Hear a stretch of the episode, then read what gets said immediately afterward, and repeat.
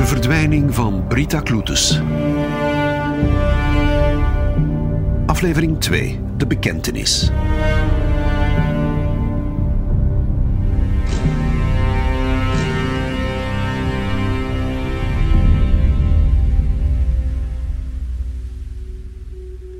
Mei 2011.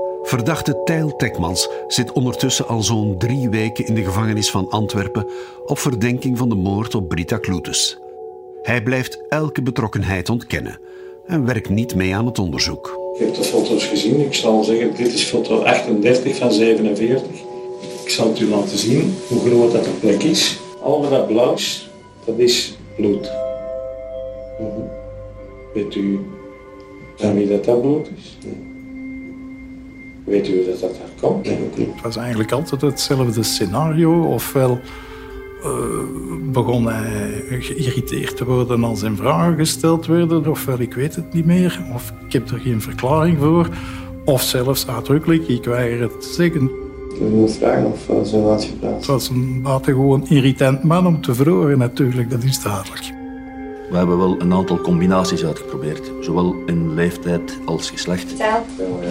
Goedemorgen.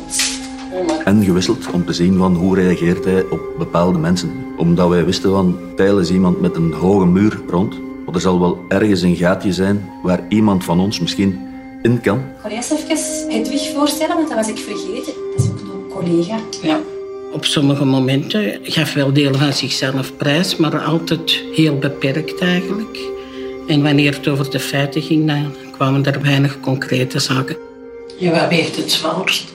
Uh, onschuldig in je gevangenis zitten. Gewoon niet beticht worden dat je niet hebt gedaan. Ja. Dat ja, vond me toch wel redelijk zwaar. Ook al weet je dan, ja, dat is hier zeker pertinent gelogen, moet je eigenlijk doen of je aanneemt wat dat hij zegt. En daarmee in verder gaan.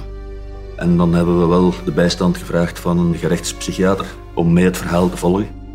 Dr. Dillon heeft dan vastgesteld inderdaad dat hij omschreven werd als een pathologische leugenaar, manipulatief, die enkel zaken verklaarde op voorwaarde dat hem goed uitkwam. Omdat de verdachte niet meewerkt, is het onderzoek van de sporen van cruciaal belang. Aan wetsdokter Werner Jacobs wordt gevraagd het DNA van het bloed en de haren in de auto van Tekmans te vergelijken met dat van Brita Kloetes.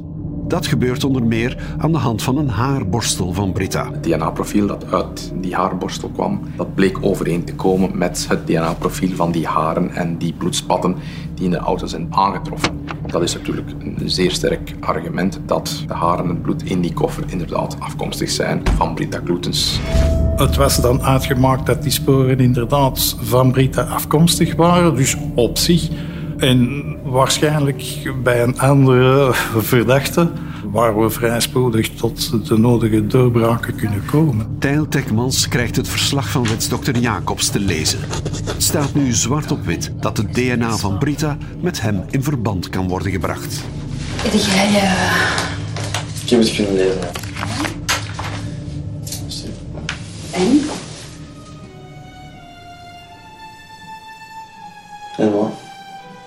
Wat denkt u ervan? Ja, het ziet er niet goed uit, hè? Nee. Nee, inderdaad niet. Nee, nee. En, Ja. ja. Ja. Ik heb er niks mee gedaan met een meisje, dus... eh, ja.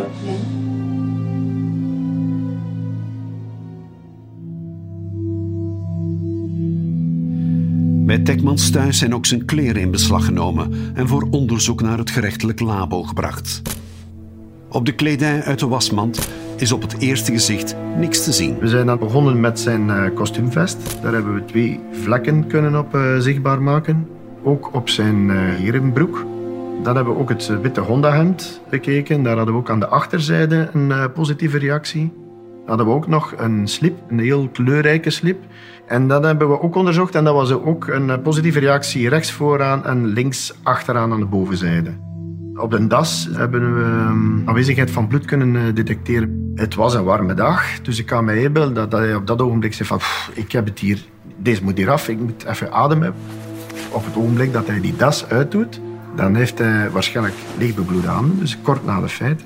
En dan misschien eh, trekt hij zijn broek op, gaat hij ergens een handeling gaan doen, waardoor, waardoor dat hij nog altijd met zijn uh, bebloede handen uh, aan zijn kledij komt. Maar natuurlijk heel licht bebloed, want het is niet zichtbaar. Het is ook niet zichtbaar voor hem.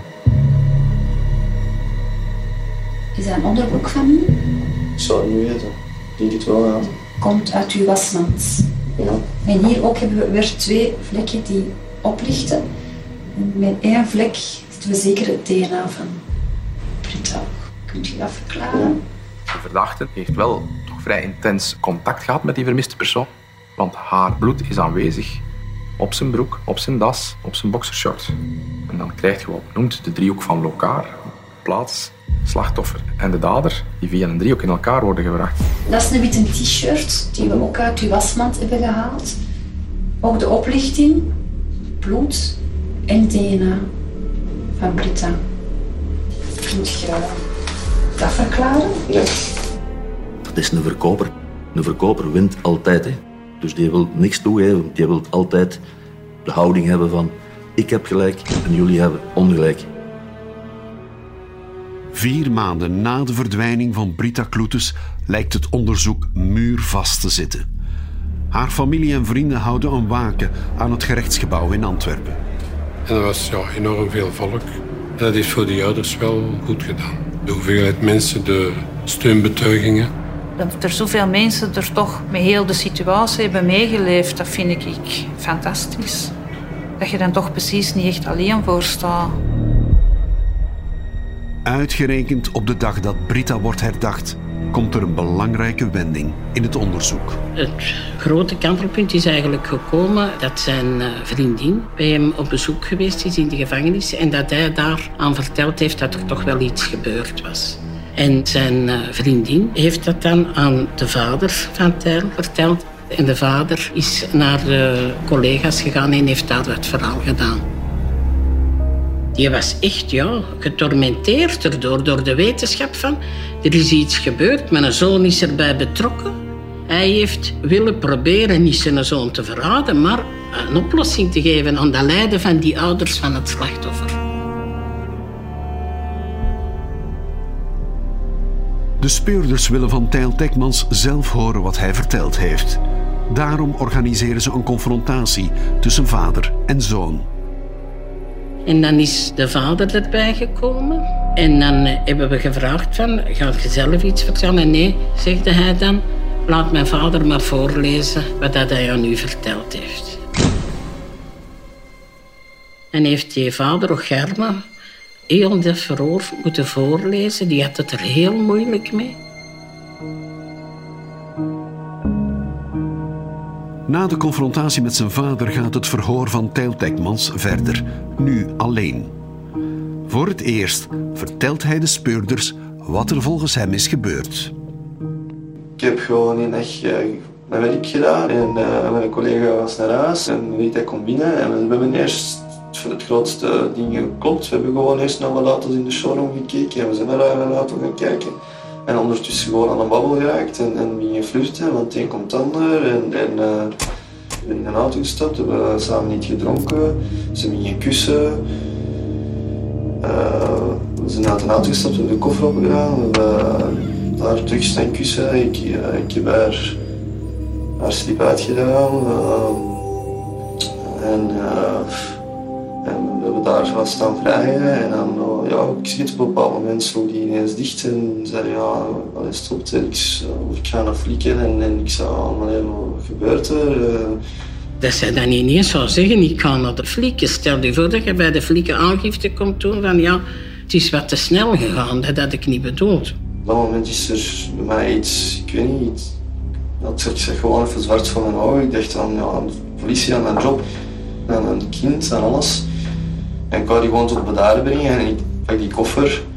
Terwijl ze recht komt, en, ja, die koffer dicht en dat was niet zo bedoeld. En die valt gewoon neer. Gechoqueerd daar gestaan. En dan proberen wakker schudden en dan zeg ik van ja, het is heel ernstig. En dan pols gevoeld en was... Hij was geen meer.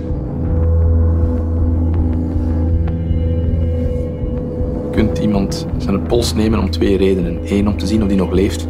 En twee, om zeker te zijn dat hij dood is.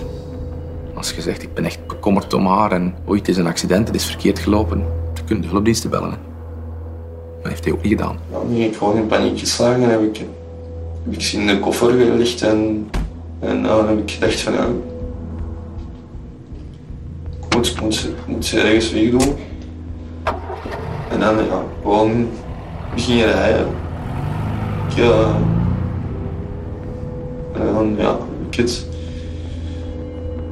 ja, in, een, in een bos ergens uh, mijn pad, mijn berm daarnaast en dan, dan daarnaast, naast die berm gereden en daar zat een auto gedaan en is weggesleurd en bedekt. En dan terug weggereden.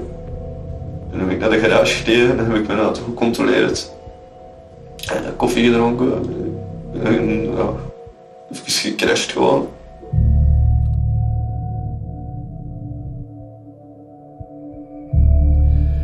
Na vier maanden bekent Tijl Tekmans dat hij Brita Kloetes in de garage heeft gedood. Nieuws dat hard aankomt bij de nabestaanden. Ze blijven achter met heel veel vragen. Oh, dat loopt er gelijk een zombie rond. Zo. Dat, is, dat is onbeschrijfelijk. Hè. Dat is zo. Ja, op die momenten weten vaak niks niet meer. Hè? Wij moeten alleen maar gissen hoe dat ze om het leven gebracht geweest is. Heeft pijn gehad, is, is mishandeld geweest dat zij zich met en alle macht zal verdedigd hebben, denk ik. Ja, dat hoop ik toch. En dat ze ja, veel schrik zal hebben gehad dat, ze, dat haar pijn werd aangedaan. Maar zeker dat ze zich goed zal hebben verweerst. Het is een belangrijke stap in het onderzoek. Maar uh, je wist toch van, we zijn er absoluut nog niet. Er blijven heel veel vragen open. En dichter bij het meisje zijn we ook nog niet. Absoluut niet.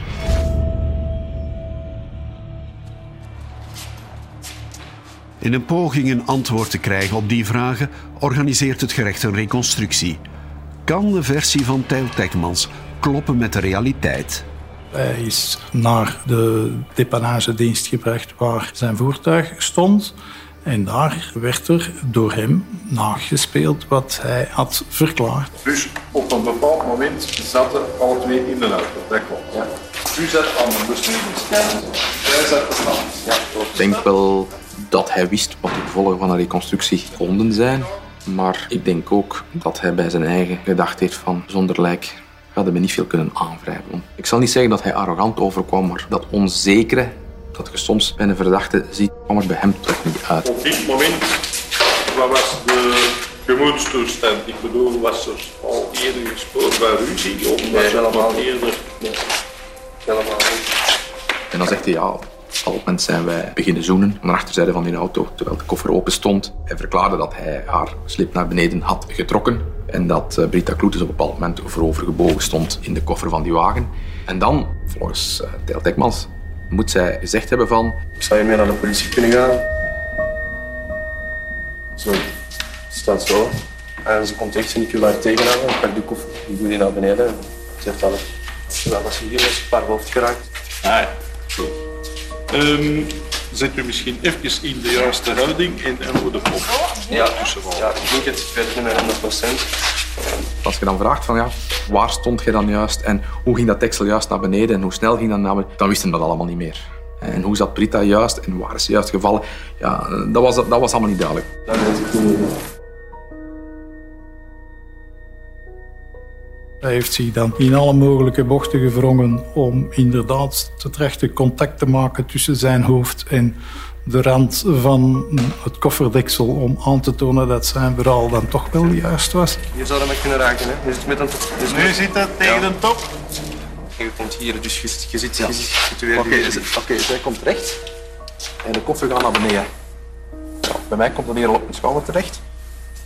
ik kan er op mijn hoofd laten komen, maar dat is toch niet met volle kracht op je hoofd. Als zij zegt dat, zij, dat die koffer is rechtgestaan, heeft die koffer neergeklapt, de afstand tussen die koffer en, en het hoofd, dat kan maar 10, 15 centimeter zijn. Dus het is bijna onmogelijk om daar grote kracht met die kofferdeksel te ontwikkelen. Ze zegt, meneer, toon een keer wat je gedaan hebt. En hij zegt, stond recht en ik trek die koffer naar beneden, dat tikt op haar hoofd en ze valt op de grond en ze is dood. Dan zei ik, nee, dit kan niet.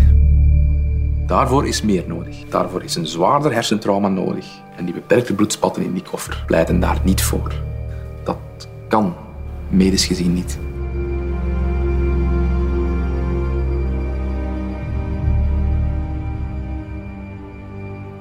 De reconstructie toont aan dat Brita niet kan gedood zijn zoals Tijl Tekmans het vertelt. Dat Brita Kloete seks zou hebben gehad met een wildvreemde man, is voor al wie haar kent ook ondenkbaar. Als moeder kan ik Brita niet denken dat hij zomaar met iemand direct contact zal Nee, zoeken. Ik- Die is heel moeilijk in die dingen. Daarmee dat ze ook nog niet veel relaties heeft gehad. Ik denk dat hij heel afwachtend is. En dat toch wel echt, gelijk dat ze zo puntueel op alles is, dat het wel de juiste man moet zijn, waar dat ze dus contact zou mee willen hebben. Ik kan dat niet geloven, of toch zeker niet in die zin dat dat zo fel verleiden was en rond de vingers stra- Nee. Brita was eerder afwachtend, een schuchter iemand die ook niet zo zelfverzekerd overkwam.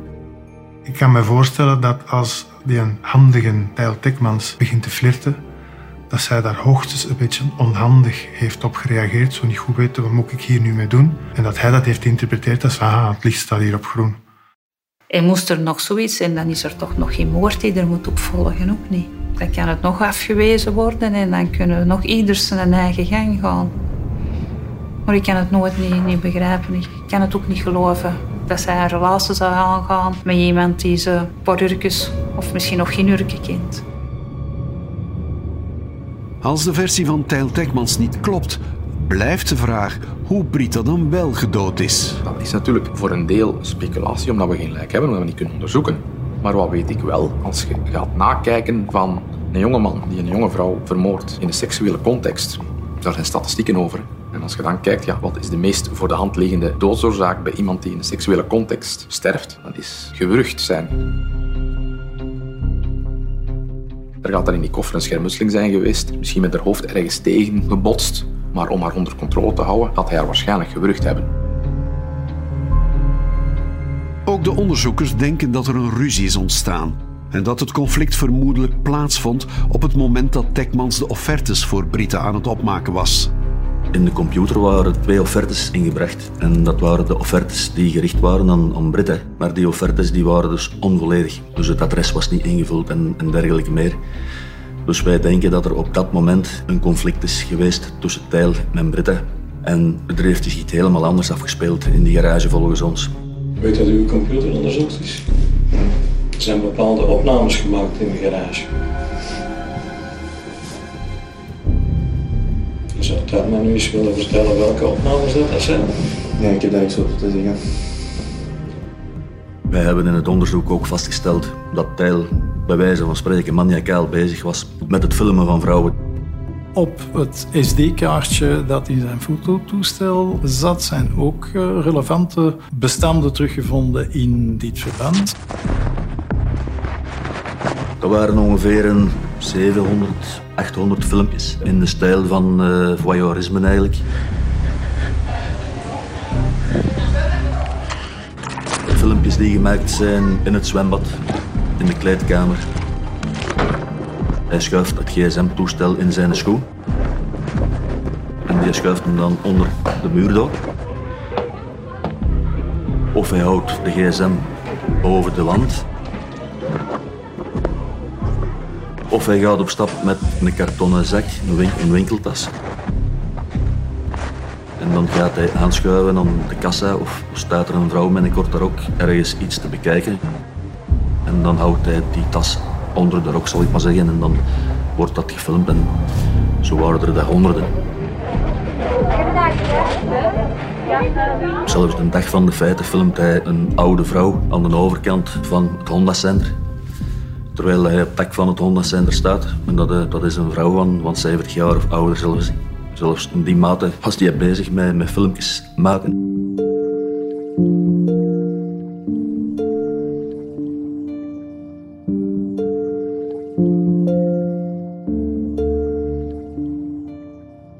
Tijl Tekmans hield zich dus ook tijdens de werkuren in de showroom bezig met voyeurisme.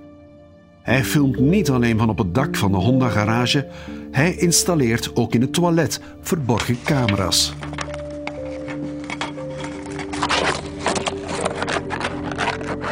Er zijn mensen gefilmd op het toilet door Tijl Tikmans die een dag dus in het Honda Center. Maar van Britta hebben we geen beelden teruggevonden. Dus Britta is niet gefilmd geweest. Wij denken dat Britta eigenlijk eh, ontdekt heeft dat daar een cameraatje lag Ofwel bevestigde hij die camera tussen de lamellen aan het plafond. Ofwel in het vuilbakje naast het toilet. En wij denken dat op dat moment Britta bij hem is gekomen om hem te confronteren met de aanwezigheid van een camera. En dat zij gezegd heeft dat ze ermee naar de politie zou stappen. En Pijl, die op dat moment nog een voorwaardelijke straf voor een zedenzaak boven zijn hoofd hangen heeft, waarvan hij weet, als dit bij de politie bekend wordt, ga ik die effectief moeten uitzetten. Ik denk dat zijn stoppen zijn doorgeslagen. En dat hij Britta hardhandig heeft aangepakt en dat hij haar geslagen heeft. Misschien gewurgd heeft, ik weet het niet. We kunnen dat niet vaststellen, we hebben geen lijken, dus we weten het niet. Maar alleszins heeft zij de garage niet levend verlaten eigenlijk. De speurders confronteren Tijl Tekmans met de verborgen opnames.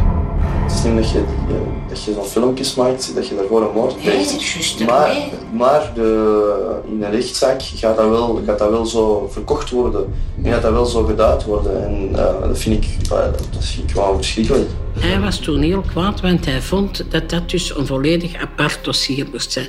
Hij zegt, ik schaam me ervoor en het is niet normaal en ik weet dat allemaal wel, maar dat heeft met Brita niks te maken. Dat moet dus apart behandeld worden. Want hij zegt, ja, dan gaan mensen zich daarop fixeren. Hè, en uh, dan ben ik helemaal niet alleen de koele moordenaar, maar ook hè, de vieze moordenaar eigenlijk. Het voyeurisme van Tijl Tekmans en zijn eerdere veroordeling voor zedenfeiten verklaren waarom de onderzoekers op dit spoor verder zoeken. Dus kunnen we wel vermoeden dat daar mogelijk een seksuele component is geweest, waarbij dat Britta zich verzet zal hebben en dat er daar geweld zal gebruikt zijn. In zijn verhaal, de reactie van uh, Britta, van onmiddellijk de flikken te gaan verwittigen, dan moet er toch iets ontoelaatbaar geweest zijn. Terwijl Tijl Tekmans iemand was die zich graag profileerde als topverkoper, die zichzelf heel hoog inschatte, op die manier zou zijn imago dat hij voor zichzelf had opgebouwd aan diggelen liggen. Dat is ook de reden, denk ik, dat hij eh, absoluut moest verhinderen dat die vrouw naar de politie zou stappen. En hoe kan je dat dan het beste doen?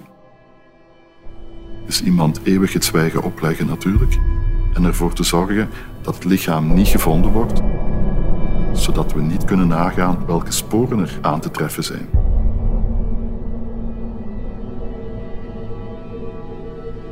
Ook het surfgedrag van Tijl bevestigt het seksueel motief. Op de avond van de feiten, wanneer hij rond middernacht thuiskomt, trekt hij zich terug achter zijn computer. Nadat hij het lichaam van Britta had verborgen, is hij thuisgekomen, is hij beginnen naar harde porno te kijken, waarbij dat een vrouw eigenlijk met een wc-bril rond haar hals, hè, als je dan even terugdenken, filmen in toiletten, een vrouw naakt met een wc-bril rond haar hals, gedwongen werd tot orale seks. En daarbij ook in het gezicht geslagen werd. Psychiater Dillen heeft daarover gezegd dat dat mogelijk een herbeleven geweest is van iets wat hij daarvoor gedaan had. Of had willen doen.